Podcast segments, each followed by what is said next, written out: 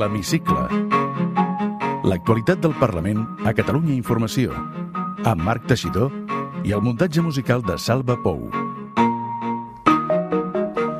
La unitat que es va mostrar amb la presentació d'una proposta de resolució conjunta com a resposta a la sentència ha arribat finalment al ple, però ho ha fet desdibuixada sobre com cal afrontar la suspensió del Tribunal Constitucional d'una part del text. A l'hora de presentar esmenes, els tres partits independentistes ho han fet per separat. Malgrat tot, però, hi han acabat votant a favor i el text s'ha aprovat. Torra reivindica com a interlocutor amb el govern espanyol durant la sessió de control al Parlament. Sobre les converses amb el govern espanyol també n'ha parlat el president del Parlament, Roger Torrent, que des d'Edimburg apel·lava al coratge de Pedro Sánchez per emmirallar-se amb la democràcia del Regne Unit. I durant la sessió de control, un incident del cap de l'oposició amb una diputada de Junts per Catalunya ha provocat que tots els grups, menys Ciutadans i Partit Popular, hagin elevat una queixa a la mesa per les paraules de Carlos Carrizosa. Tot la mateixa setmana que s'ha commemorat el Dia Internacional per l'Eliminació de la Violència Masclista també al Parlament. Benvinguts a l'Hemicicle. L'Hemicicle. L'actualitat del Parlament a Catalunya Informació. Avui a l'hemicicle us explicarem que s'ha aprovat la resposta institucional a la sentència amb el debat en joc de la unitat independentista. El text acaba denunciant les ingerències del Constitucional que limiten la llibertat d'expressió i de debat dels diputats. Torra marca perfil i es reivindica per negociar amb Sánchez. I més del 70% de la cambra eleva una queixa a la mesa per unes paraules de Carlos Carrizosa que tillen de masclistes. Llum verda a les lleis de ports i de transports en aigües marítimes i continentals. La llei s'aprova amb els vots de tots els grups, menys els de la CUP. Roger Torrent fa una crida a la responsabilitat per acabar amb el masclisme. Ho fan el debat violència masclista de víctimes a supervivents amb motiu del 25N. I avui ens contestarà en una frase al qüestionari de l'hemicicle. Pilar Aragonès, diputat de la CUP Crida Constituent al Parlament de Catalunya.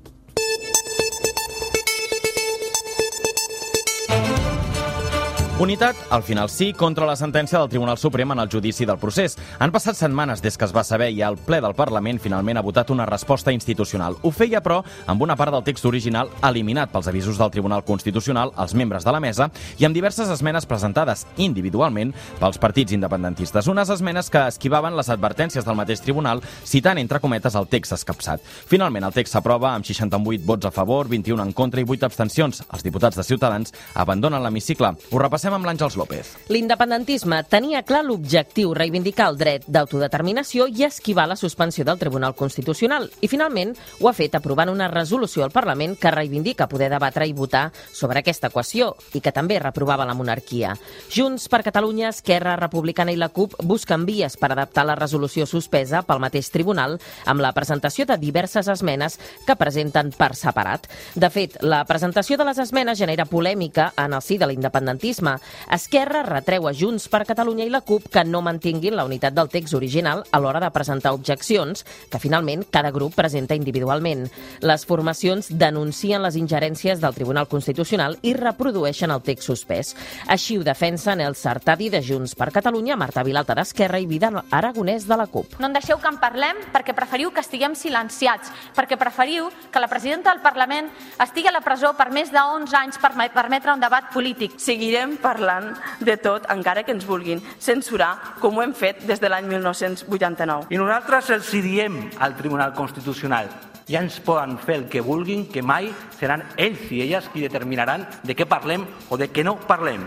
La resta de partits a l'oposició critiquen el text. Els que ho fan amb més duresa són Ciutadans i el PP, que alerten de la il·legalitat que suposa aprovar-lo. En parlen Lorena Roldán dels Taronges i Alejandro Fernández dels Populars. Les anuncio que vamos a poner en conocimiento de la Fiscalía lo que pase aquí hoy, porque proteger a los catalanes no es una opción, es una obligación y nosotros, por supuesto, vamos a cumplir con ella. Ustedes pueden hablar de autodeterminación y de independencia hasta la extenuación. De hecho, en eso son muy eficaces. Lo que no pueden hacer, a ver si ahora lo pillan, es someter a votación resoluciones ilegales y menos aún implementarlas. Amb un to més tranquil, des de Catalunya en Comú Podem demanen als partits independentistes que aprofitin l'oportunitat que els brinda un govern del PSOE amb Unides Podem a Madrid i el PSC, en canvi, veu llunyà un diàleg que costi posicions. Ho defensaven així Ferran Pedret del PSC i Marta Ribas dels Comuns. Constata com en som de lluny encara de poder abordar eh, solucions polítiques a la situació que hem viscut en els darrers anys. És l'hora d'obrir un nou temps de diàleg entre forces que pensem diferent. No és l'hora de resolucions reiteratives ni simbòliques. Hores abans del debat a l'hemicicle, els partits independentistes debaten sobre les esmenes que finalment decideixen mantenir per separat i votar-hi a favor tots per evitar que l'oposició les pugui reconsiderar.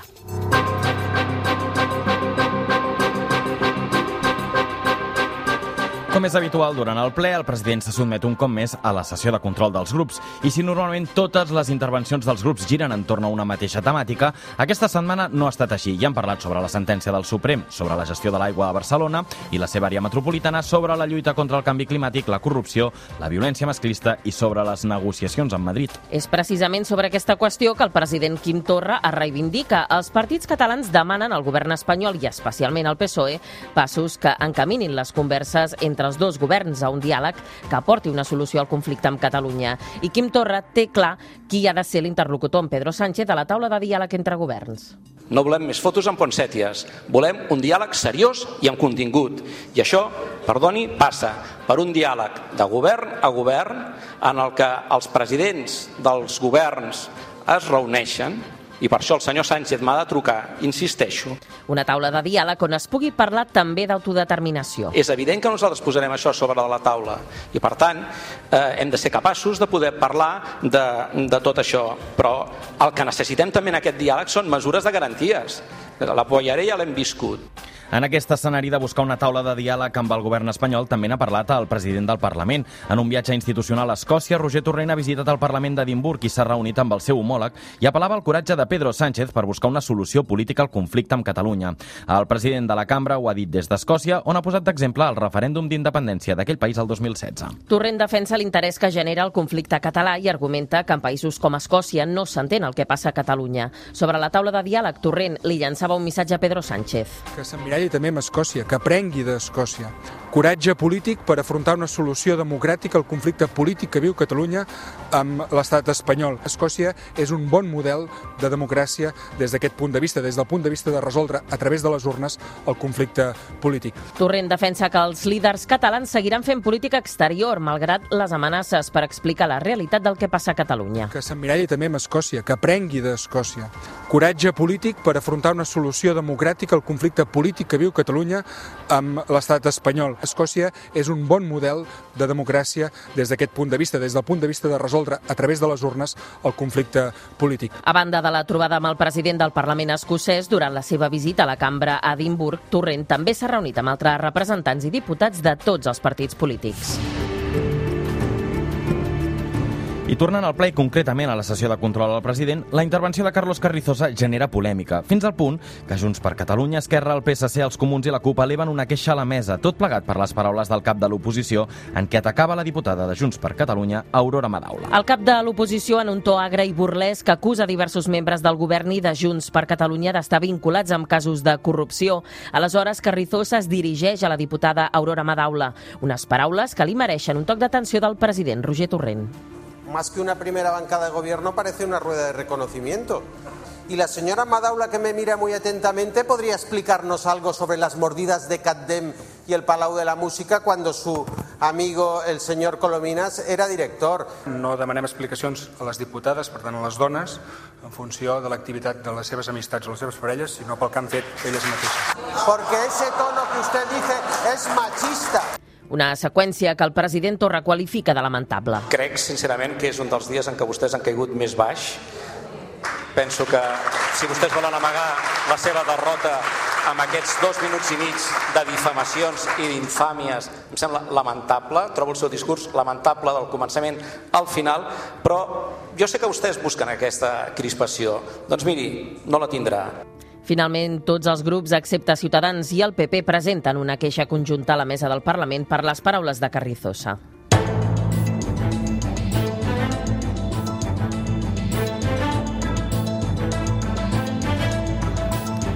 El ple del Parlament també aprova una moció que reivindica l'exercici del dret de l'autodeterminació. És en el debat d'una moció sobre l'ascens de l'extrema dreta i que rep els vots a favor dels partits independentistes i també dels comuns. L'aprovació es fa a través d'una esmena de Junts per Catalunya que reivindica l'exercici i la salvaguarda dels drets de llibertat d'expressió, de reunió, de manifestació i d'autodeterminació.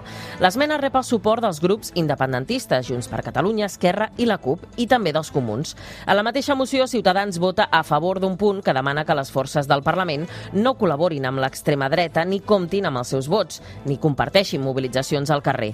La formació taronja, en canvi, s'absté en el punt que apela directament als partits espanyols i denuncia els acords en alguns governs que normalitzen el seu discurs, com per exemple la votació a la Comunitat de Madrid que demanava il·legalitzar els partits independentistes. I llum verda també en aquest plenari a la nova llei de ports i de transport en aigües marítimes i continentals, un text que genera consens entre totes les formacions excepte l'alt de la CUP. Repassem el més destacat d'aquesta llei. No es podrà construir cap port nou a Catalunya durant 7 anys i els actuals que gestiona la Generalitat, que són tots menys el de Barcelona i el de Tarragona, hauran de tenir els molls electrificats el 2024 per combatre les emissions contaminants. El conseller de Territori, Damià Calvet, destaca els efectes de la moratòria en la construcció i els beneficis per a la lluita contra el canvi climàtic. És una llei que eh, doncs incorpora tots els conceptes del canvi climàtic, és una llei eh, que incorpora alguns conceptes molt importants important, s'ha destacat la moratòria eh, de 7 anys. Crec que això no ens resta cap oportunitat, al contrari, ens prepara millor per poder afrontar oportunitats de futur. La llei s'aprova amb els vots de tots els grups, menys els de la CUP per la formació anticapitalista. La nova llei protegeix interessos privats. La setmana començava amb el Dia Internacional per l'Eliminació de la Violència contra les Dones, un 25N que també es commemora al Parlament amb l'organització d'un debat titulat Violència masclista de víctimes a supervivents i que compta amb la presència d'Alba Alfagema, psicòloga i professora de la UB, Laia Serra, advocada penalista i responsable de la Comissió de Violències de Dones Juristes, i Beatriu Macià, presidenta de Tamaia i terapeuta. L'encarregat d'obrir l'acte institucional és el president del Parlament, Roger Torrent, i ho fa fent una crida a la responsabilitat per acabar amb el masclisme. Els homes, com a agressors, tenim la responsabilitat també d'estar al capdavant plantant cara al masclisme que ens fa pitjors a nosaltres i que ens perjudica com a societat. Els homes, per tant, no ens podem de cap manera desentendre, no hi tenim dret, perquè el silenci sempre és còmplice de la injustícia.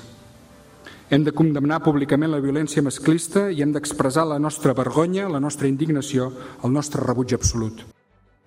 Torrent també remarca el paper de les institucions en l'acompanyament i la protecció de les víctimes, així com en la prevenció d'aquestes agressions. A més, també destaca la importància del paper legislatiu del Parlament en aquest sentit, encara que apunta que l'aprovació de lleis no vol dir que s'acabi la feina. Durant el debat, Laia Serra, advocada penalista i responsable de la Comissió de Violències de Dones Juristes, alerta dels biaixos del sistema judicial que fan que la justícia redacti sentències basades en estereotips de gènere i defensa una reforma del Codi Penal perquè, segons segons ella, el sistema judicial segueix sense entendre les diverses violències.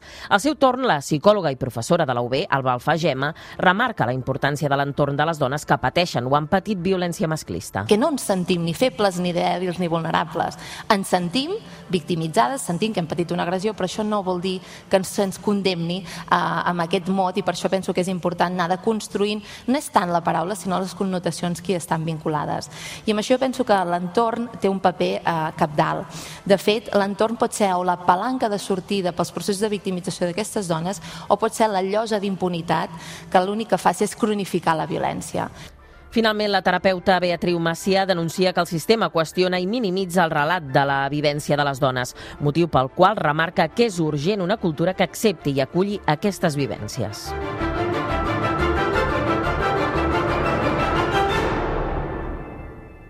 Moment ara de l'entrevista a l'hemicicle.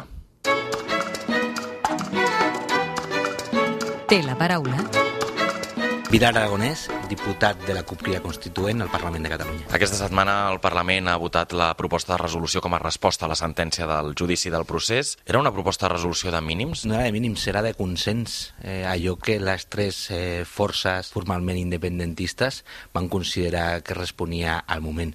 Eh, que fos de consens va significar que nosaltres després van expressar una autocrítica sobre la nostra organització en relació amb allò que pensàvem que no havíem fet. L'independentisme ha arribat al seu màxim o quin és el camí que ha de seguir un cop coneguda la sentència? Per nosaltres no ha arribat al màxim. Estem en un punt que ens atrevirien a dir que és de maduresa i per tant amb tota una sèrie de bagatges i d'aprenentatges que ara s'han de transformar en continuar avançar nacionalment.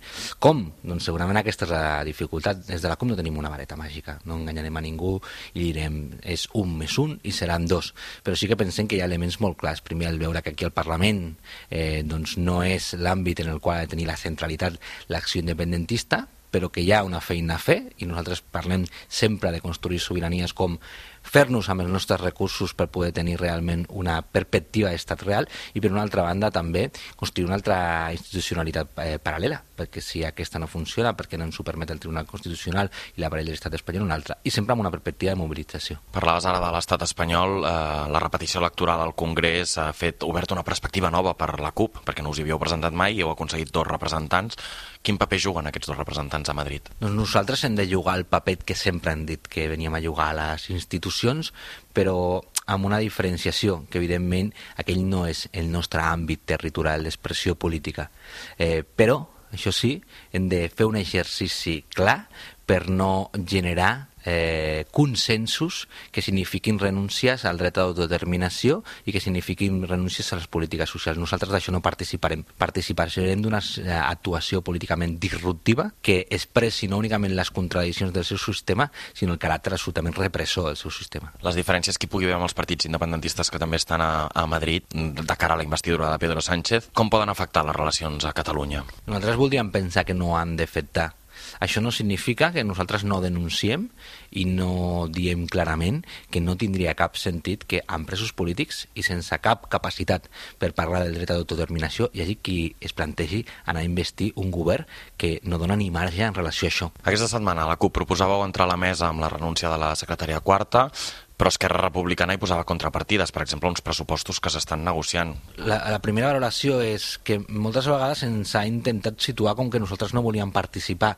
d'assumir responsabilitats i fèiem un repàs, i és la quarta vegada que aquesta legislatura fèiem proposta per entrar a la mesa i per assumir responsabilitats derivades de l'actuació repressiva que pugui haver-hi contra la mesa. No responsabilitats que ja pensem que assumim quotidianament, sinó sobre aquesta repressió. I hem repassat i quatre vegades en el que portem d'aquesta legislatura, que encara no fa ni, ni dos anys. Que això es vulgui vincular a pressupostos o que això es vulgui vincular a governabilitat forma part d'una estratègia de partit d'Esquerra Republicana que nosaltres no compartim. Si realment eh, de vegades ells i elles ens criden a que participem més, el que, a que participem més, el que no pot ser és que per anar a participar amb un ens com és la mesa del Parlament se'ns demanin d'altres coses que no guarden relació, perquè això no té cap tipus de sentit ni guarda relació. I pel que fa als pressupostos, la CUP, s'hi posa bé, no s'hi posa bé? No és la CUP, el CUP en punt són els pressupostos i els pressupostos són els que es posen malament.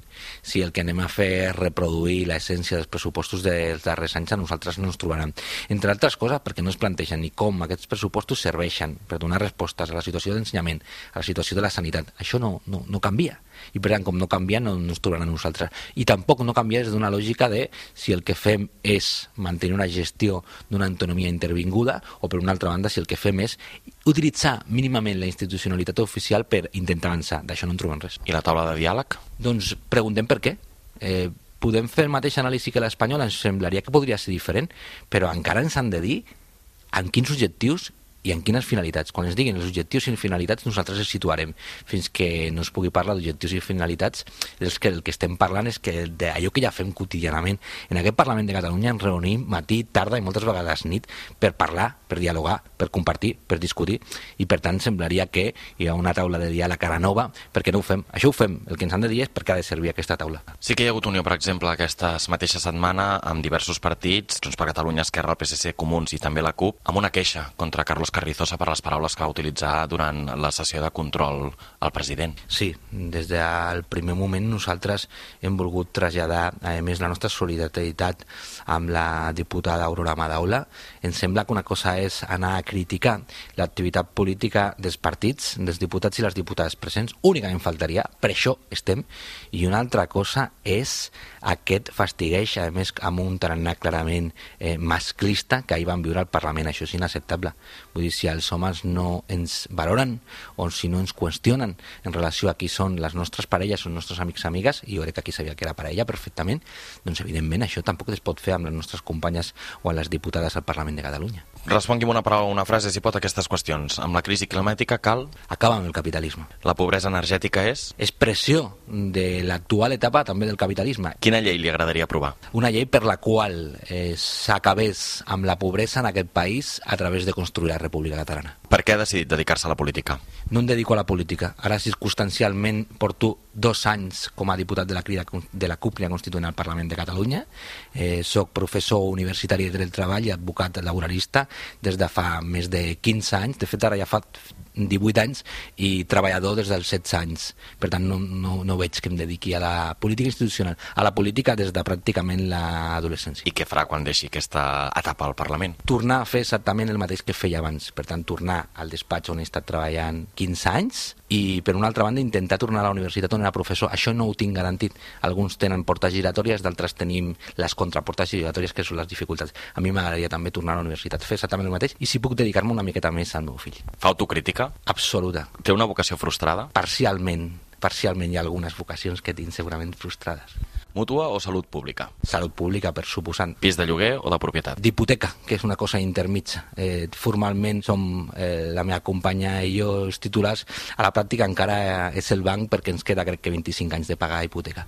Una música que l'identifiqui? Doncs en una etapa històrica eh, segurament l'esca eh, eh, més clàssic o l'esca de segona generació. Un paisatge favorit? Un paisatge favorit. Obrir la ventana de casa i veure les dues realitats que són la meva comarca, que és primer pla, la empresa Siemens de Cornellà, doncs això també és realitat, molts de nosaltres hem nascut en aquesta realitat, és el primer pla, i al fons el Montserratí.